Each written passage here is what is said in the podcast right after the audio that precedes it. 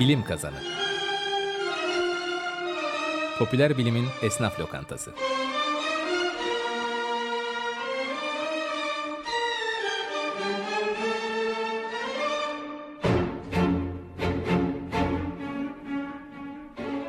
Hazırlayan ve sunanlar İlker Öztop, Alp Sipahigil ve Aysu Uygur.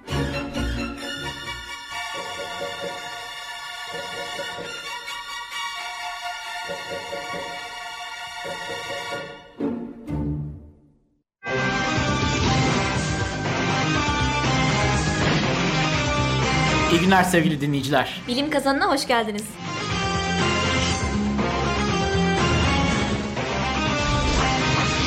Ben İlker. Ben Aysu.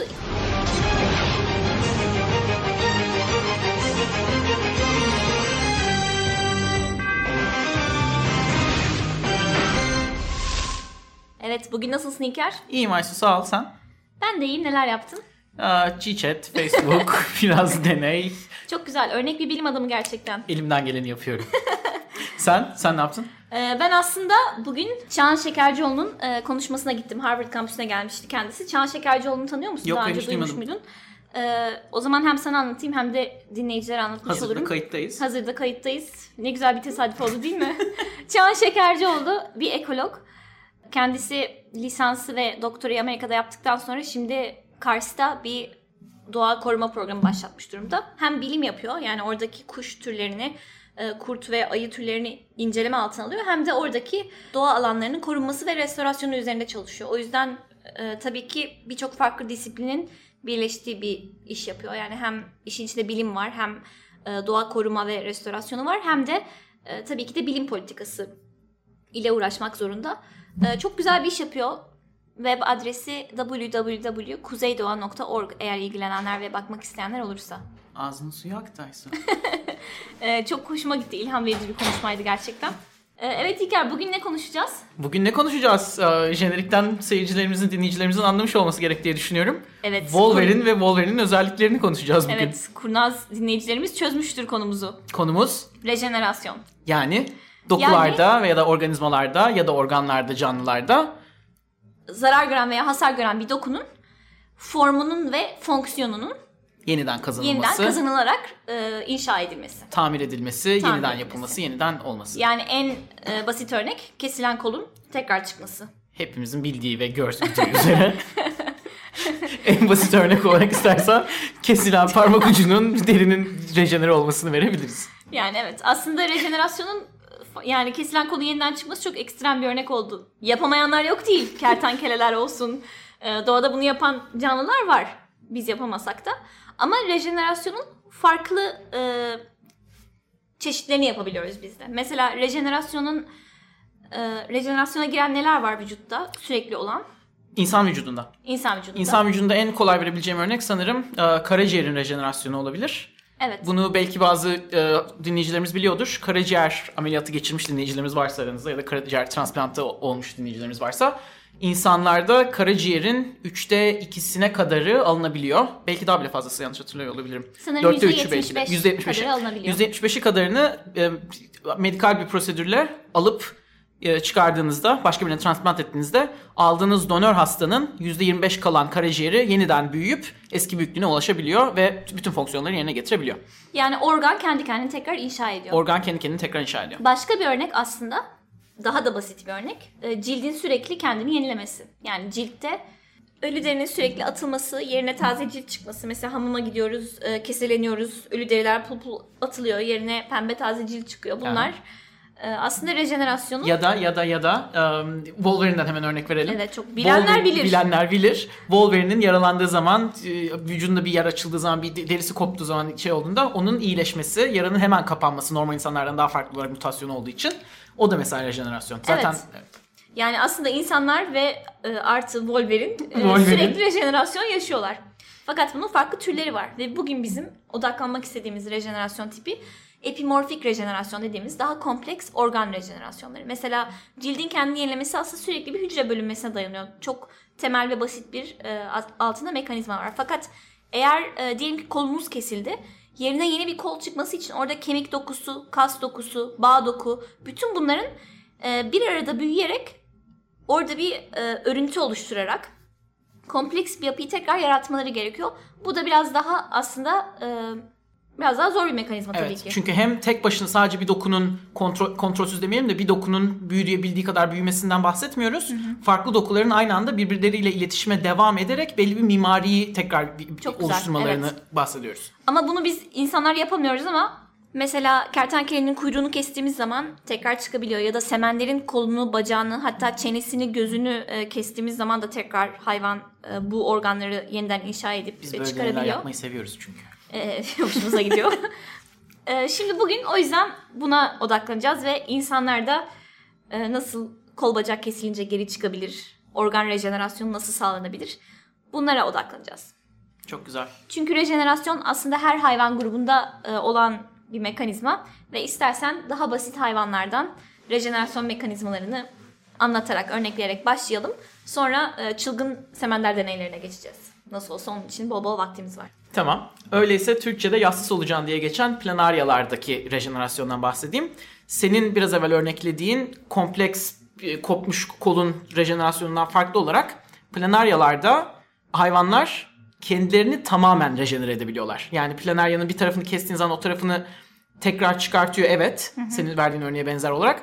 Ama kopardığın kısım da geriye kalan bedenin hepsini yaratıp full bir tane planarya yaratabiliyor. Kafasını koparıyorsun, Mesela kafasını çıkıyor. koparttığında vücudu kafa çıkartıyor evet. Ama kopan kafada geriye vücut çıkartıyor. Yani planeryayı sen ikiye bölersen birdenbire iki planarya oluyor. Planeryayı dörde bölersen dört tane planarya oluyor. Planeryayı Hatta bugüne kadar en fazla 279 parçaya bölebilmişler ve 279'u birden birer planarya çıkarmış ortaya. aynen öyle. Geçer, geçtiğimiz sene yayınlanan bir araştırmada da şu gösterildi. Planaryalardaki bu rejenerasyonu sağlayan e, neoblast denen kök hücreler var. Kök hücrelerde şey demek kendinden başka diğer hücrelere dönüşebilen hücreler demek. Planaryalarda bir tane tek bir tane kök hücresini alıp ölmekte olan başka bir planaryaya transplant edersen, takarsan, bağlarsan zaman içinde ölen planaryanın tamamen Yenilendiğini, yeniden oluştuğunu, gelen şey tarafından gelen hücre tarafından yeniden oluştuğunu görebiliyoruz. Öyle mi? Evet. Afiyet olsun Aysu. Teşekkür ederim İlker. Samimi bir ortam oluştu. Çekinmedim. Bir de, bir de şey var. e, Planaryalardaki rejenerasyondan daha farklı olarak hidralarda, poliplerde yani şöyle bir rejenerasyon var. Hidrayı ikiye bölersen, üçe bölersen neyse kopan kısım yeni bir hidra oluşturma özelliğine sahip.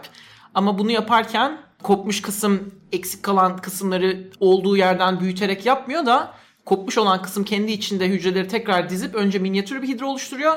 Daha sonra minyatür hidra büyüyüp anne baba hidrayı haline geliyor. Yani hepsine aslında rejenerasyon diyoruz farklı hayvanlarda olmasına rağmen. Ama farklı mekanizmalarla da gerçekleşebiliyor. Zaten bundan e, 100 sene önce Thomas Morgan adlı bilim adamı hem e, planaryalarda hem hidralarda hem de e, semenderlerde ve kertenkelelerde e, rejenerasyon mekanizmalarını araştırıyor ve e, bunun üzerine bir kitap yazıyor. Fakat kitabının son sözünü şöyle bitiriyor. Rejenerasyon çok ilginç bir konu. Hatta biyolojinin en ilginç konusu diyor ama benim hayat hayatım boyunca olan sürede bu konunun e, detaylarını, inceliklerini çözebileceğimizi zannetmiyorum. O yüzden ben gidiyorum bay bay deyip e, genetik ve meyve sineği alanına geçiyor aslında ve Nobel'i bu alanda alıyor. Meyve sineği genetiğinde alıyor. Hah. Bu da e, araya sıkıştırayım dedim bu konuyu. Yani rejenerasyonu terk edip başka alanlarda yıldız oluyor ama adamcağız haklıymış. Son 100 yıldır rejenerasyon konusu gizemini koruyor. Tamam. Artık asıl konuya geçelim. Dananın kuyruğu kopsun. Dananın kuyruğu, İlker'in kolu kopsun. Sevenderlerde ve İlker'de kol bacak rejenerasyonu. Aa, ne yaptın Aysu? Kestim kolunu. Evet sevgili dinleyiciler, İlker'in kolunu tıpkı bir semenderinki gibi kestim. Semenderler bu arada amfibi yaratıklar. Yani kurbağalarla aynı e, gruptan. Fakat kertenkelelere daha çok benziyorlar görünüş itibariyle. Kanıyor. Kanaması lazım. Bir süre sonra kesilen yerin üstünü ince bir deri tabakası kaplayacak. Aslında buraya kadar benim parmağım kesilse de yani herhangi bir memelinin parmağı kesilince de üstünü ince bir deri tabakası kaplıyor. Şimdi nerede e, rejenerasyon eden bir kol ile rejenerasyon etmeyecek bir kol nerede ayrılıyor? İnsanda mesela sen de şimdi kolunu kestim. Maalesef rejenere etmeyeceksin. Kolunu bir yara kabuğu kaplayacak. Fakat bir semenderde bu yara kabuğu hiçbir zaman oluşmuyor. Yani bir şekilde bağışıklık sistemi mekanizması olan yara kabuğu bypass ediliyor ve rejeneratif mekanizmaya geçiliyor. O da nedir? Kestiğim bölgenin hemen en uç kısmında yani hemen kestiğim yerdeki hücreler geriye programlanıyorlar. Birdenbire kök hücre özelliklerini alabiliyorlar ve blastoma dediğimiz bir topluluk oluşturuyorlar. Mesela senin kestiğim yerdeki kan hücresi de, bağ doku hücresi de, kemik hücresi de birdenbire geriye programlanıyor ve hop bir araya gelip blastemayı oluşturuyorlar.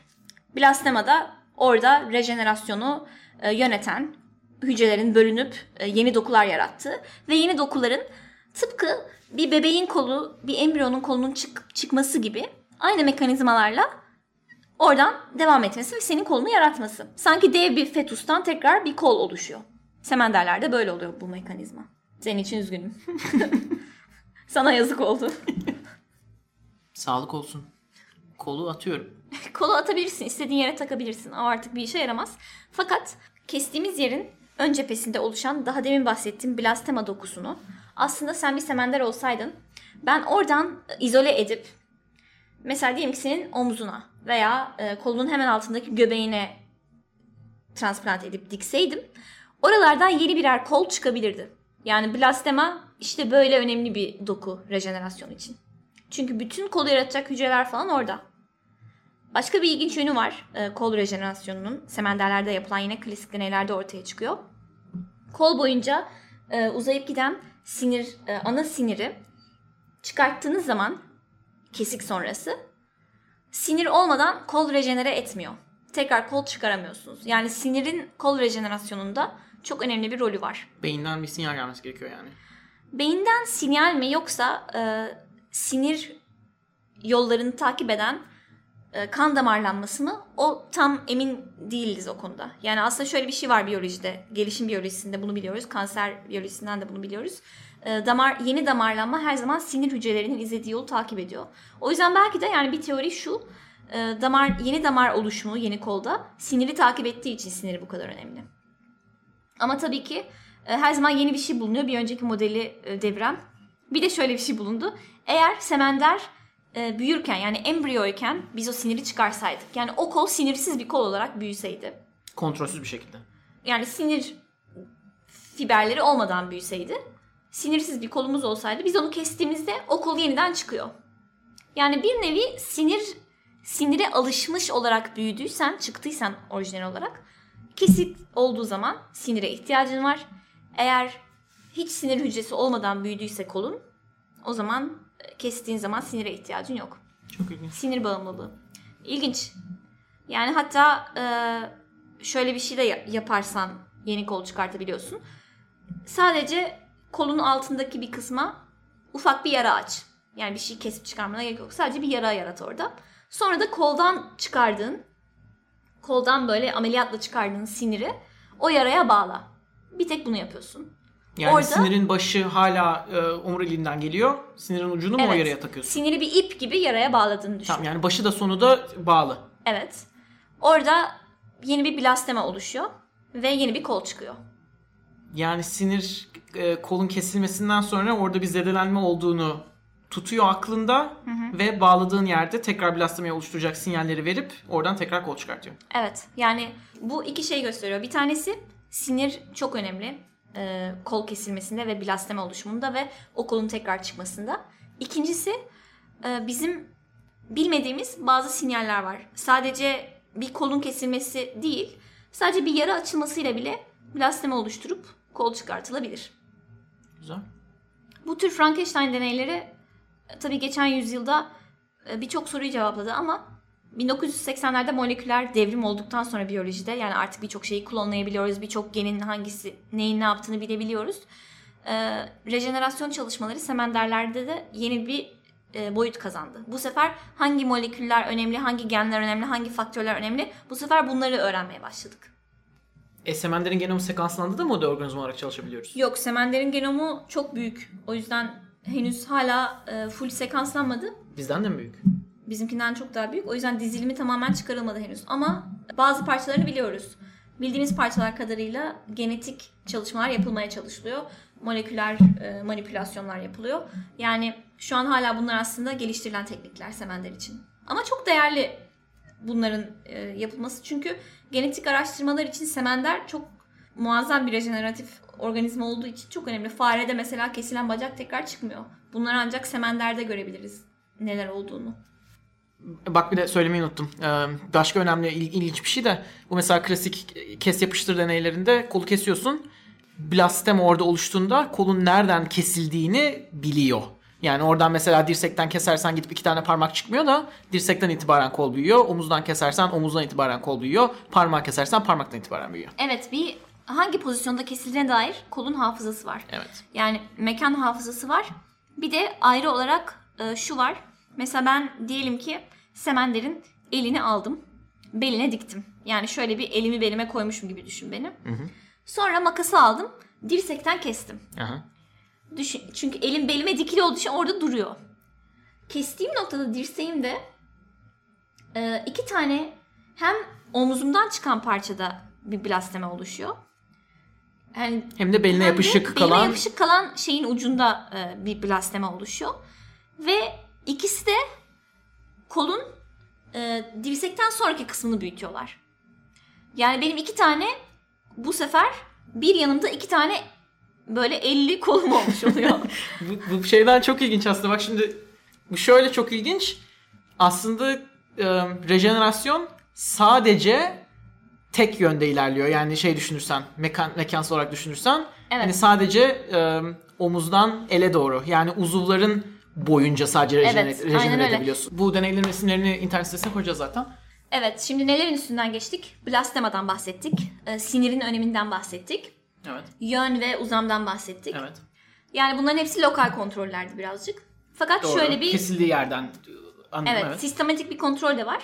O da hormonlar. Hormonlar rejenerasyon için çok önemli. Ee, biliyoruz ki hipofiz bezi alınan semenderlerde yani beynin hormonları üreten ve salgılayan bezi alınmış semenderlerde kol rejenerasyonu gerçekleşmiyor mesela. Yine yara kabuk bağlıyor. Sanki hani Bendeki senin, gibi. sende olduğu gibi demin. Ee, yara yara kabuk bağlayıp öyle kalıyor rejenere etmeden. Neyse semender semender deyip duruyoruz. Peki bu iş ne zaman insanlarda olacak? Yani ne zaman kesilen kolumuz, kesilen sakalımız gibi güp gür çıkabilecek? Oo, Sokollu Mehmet Paşa Evet. referansı. Aşağı yukarı yanım yok kendisinden. ne şüphe.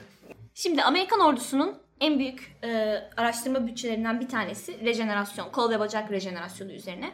Çünkü son zamanlarda gelişen teknolojiyle şöyle bir şey oldu. E, askerlerin hayatta kalma oranı çoğalmaya başladı. Artık o kadar fazla asker ölmüyor cephelerde. Fakat- Yaralanıyor ama ölmüyor. Evet yaralanıyor ama ölmüyor. Fakat yaralılardan büyük bir kısmı da ölümcül darbeler değil de kollarının bacaklarının kopması gibi darbeler alıyorlar. Bunun sonucu olarak ne oluyor? Ölmeyen askere ordu evine yolluyor. İşte hayatın sonuna kadar diyelim ki bir maaş bağlıyor ya da bir e, tazminat veriyor. Yani sonuç olarak biraz hani kalpsiz ve böyle insanlık dışı bir şey söyleyeceğim ama Amerikan ordusuna göre yani zaten benim düşüncem değil ama Amerikan ordusuna göre bu askerler kolu bacağı kopan askerler orduya Maddi ek bir yük oluyorlar. Bu yüzden araştırma bütçesinin e, fonunun büyük bir kısmı rejenerasyon çalışmalarına aktarıldı artık. Hani e, birçok semender veya işte memeli laboratuvarına bu paralar bu fonlar aktarılıyor ki e, araştırmalar yapılsın. Artık 20 seneye 30 seneye ne kadar zaman olacaksa kesilen kolların e, ampute olan kolların yerine yenisi çıkarılabilecekse orduyu büyük bir masraftan ve tabii ki binlerce insanı büyük bir sakatlıktan kurtaracak bir araştırma. O yüzden Amerika'da birçok laboratuvar şu an rejenerasyon çalışıyor. Bizim laboratuvarımızdaki işte 10 projeden falan bir tanesi de bu. Tabii de biz Örümcek Adam'daki Kurt Conners'ı olmadığımız sürece gidip de kendimizi kertenkele gibi kol çıkaracak halimiz yok. Bize uygulanabilecek memelilerdeki rejenerasyonlardan bahsedelim o zaman. Evet yani semender tabii amfibi. Daha çok e, insanlara yakın memelilerde bu olayı çalışmak için farelerde parmak ucu rejenerasyonu çalışılıyor. Bu semenderlerdeki kolu kestiğinde kolun e, uzamasına, tekrar büyümesine benzer bir mekanizma. Evet o kadar ekstrem değil tabii ki bütün kol çıkmıyor ama farelerde şu görüldü. Parmağın en ucu yani e, tırnak yatağının da ötesi kesildiği zaman tekrar çıkabiliyor. Hem e, yetişkin farelerde hem bebek farelerde o kısmı kestiğiniz zaman e, doku bütünlüğünü ve fonksiyonunu koruyarak tekrar e, kendini uzatabiliyor. Bunun aslında semenderin kol rejenerasyonu mekanizmasıyla benzer şekilde meydana geldiği belirlendi. Yani orası kesiliyor, yara kabuğu oluşmuyor. Onun yerine bir blastema oluşuyor. Blastema aynen semenderde olduğu gibi kas hücresinin, kemik hücresinin, e, bağ doku hücresinin geriye doğru programlanıp blastemaya katılması ve blastemanın daha sonra çoğalarak çoğalan hücrelerin işte benzer kan damarlarının örüntüleri gibi yapıyı koruyarak tekrar full e, forma ve fonksiyona ulaşmasıyla büyüyor farenin parmak ucu da. Şimdi neden farede böyle bir rejeneratif e, yetenek var? İnsanlarda o bile yok diyeceksin. Aslında ilginç bir nokta.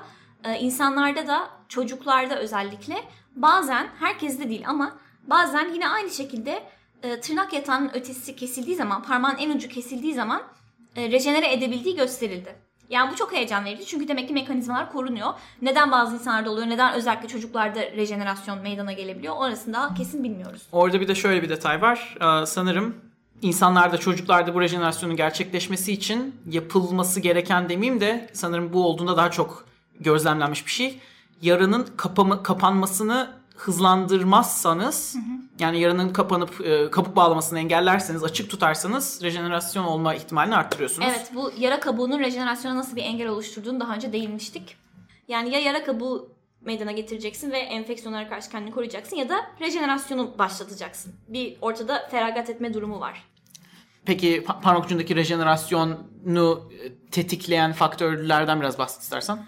Tamam yani tabii bu deneylerin tabii ki amacı e, parmak ucu rejenerasyonda rol oynayan işte genleri e, veya faktörleri belirleyip daha sonra sadece parmak ucunda olabilen bu rejenerasyonu daha geri noktalara çekebilir miyiz? Kolun işte dirseğe, omuz taraflarına. Mesela MSX2 denen genin e, ki tırnak yatağında e, ifade edilen bir gen bu. Önemli olduğu bulundu rejenerasyonun e, başlaması için. O gen olmadığı zaman ya da o genin ifade edilmesi engellendiği zaman rejenerasyon duruyor mu? Evet o genin ifade edilmediği farelerde rejenerasyon gerçekleşmiyor bile. Onun gibi bir örnek ben de şu- şunu vereyim. Bu sanırım 1998'de ya da 99'da ilk defa keşfedildi. Bizim laboratuvarda çalıştığımız fareler sürekli laboratuvarda büyütülen, yetiştirilen farelerin birbirleriyle çiftleşmesiyle oluşturulduğu için laboratuvarlara özgü doğal hayatta bulunmayan fareler. Bu çiftleştirmelerin sonucunda MRL e, adında bir fare türü ortaya çıktı laboratuvarlarda ve bu farelerde de şey gördüler. E, Biz bu fareleri laboratuvarda çalışırken etiketliyoruz kulaklarını delip ve normal farelerde delinen e, kıkırdak dokusu tamir olduğunda rejenere olmuyor doğru bir şekilde ve orada bir yara dokusu oluşuyor. Fakat bu laboratuvarlara özgü yani o Yani laboratuvarda ortaya kıkırdak çıkan yeri büyümüyor mu orada? kıkırdak yeri büyüyor ama orada izini görüyorsun. hı. Yara izini görüyorsun. Bu MRL türü dedi- dediğimiz farelerde ise yara dokusu oluşmadan kulak tamamen rejenere oluyor ve kulak deli ya delinmiş kıkırdak hiç e, zedelenmemiş bir şekilde eski haline geri dönüyor. Sonra bakıyorlar tabii bu farelerde ne var, Sonra- hangi genleri Aynen öyle. mutasyona uğramış diye. şöyle bir güzelliği var.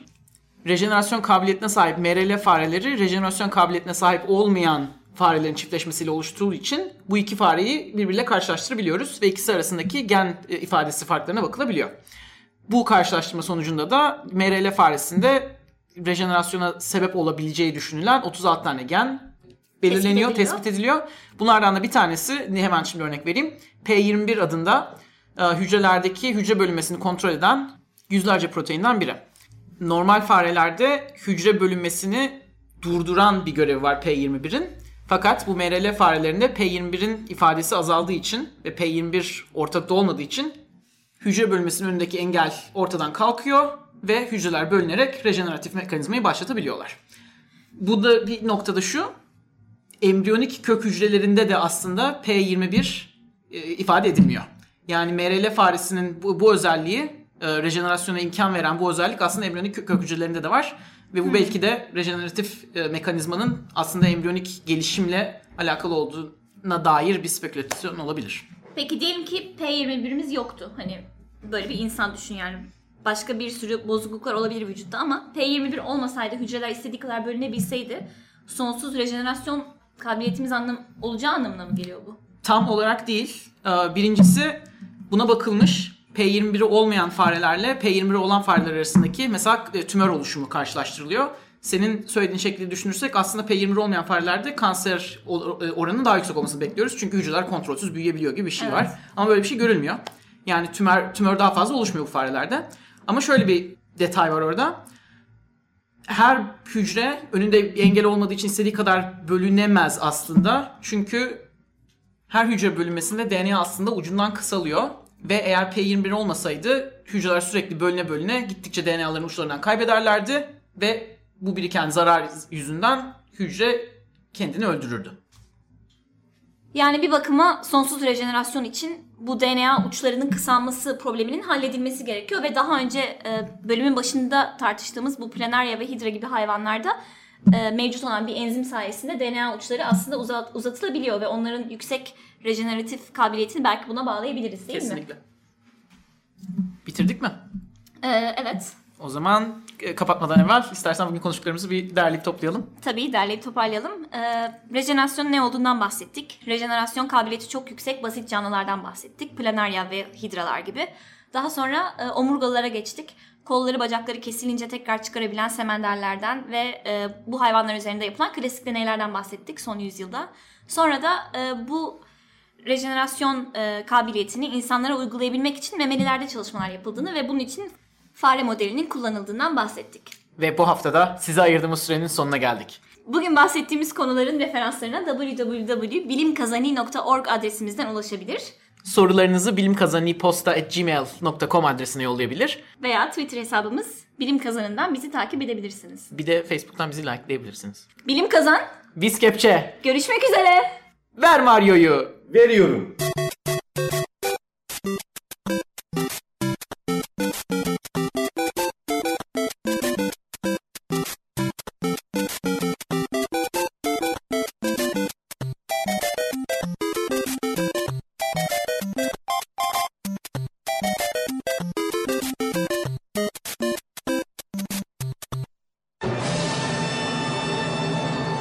Bilim Kazanı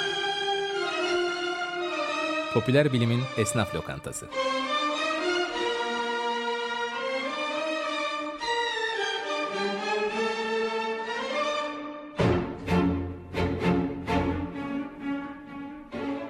Hazırlayan ve sunanlar İlker Öztop, Alp Sipahigil ve Aysu Uygur.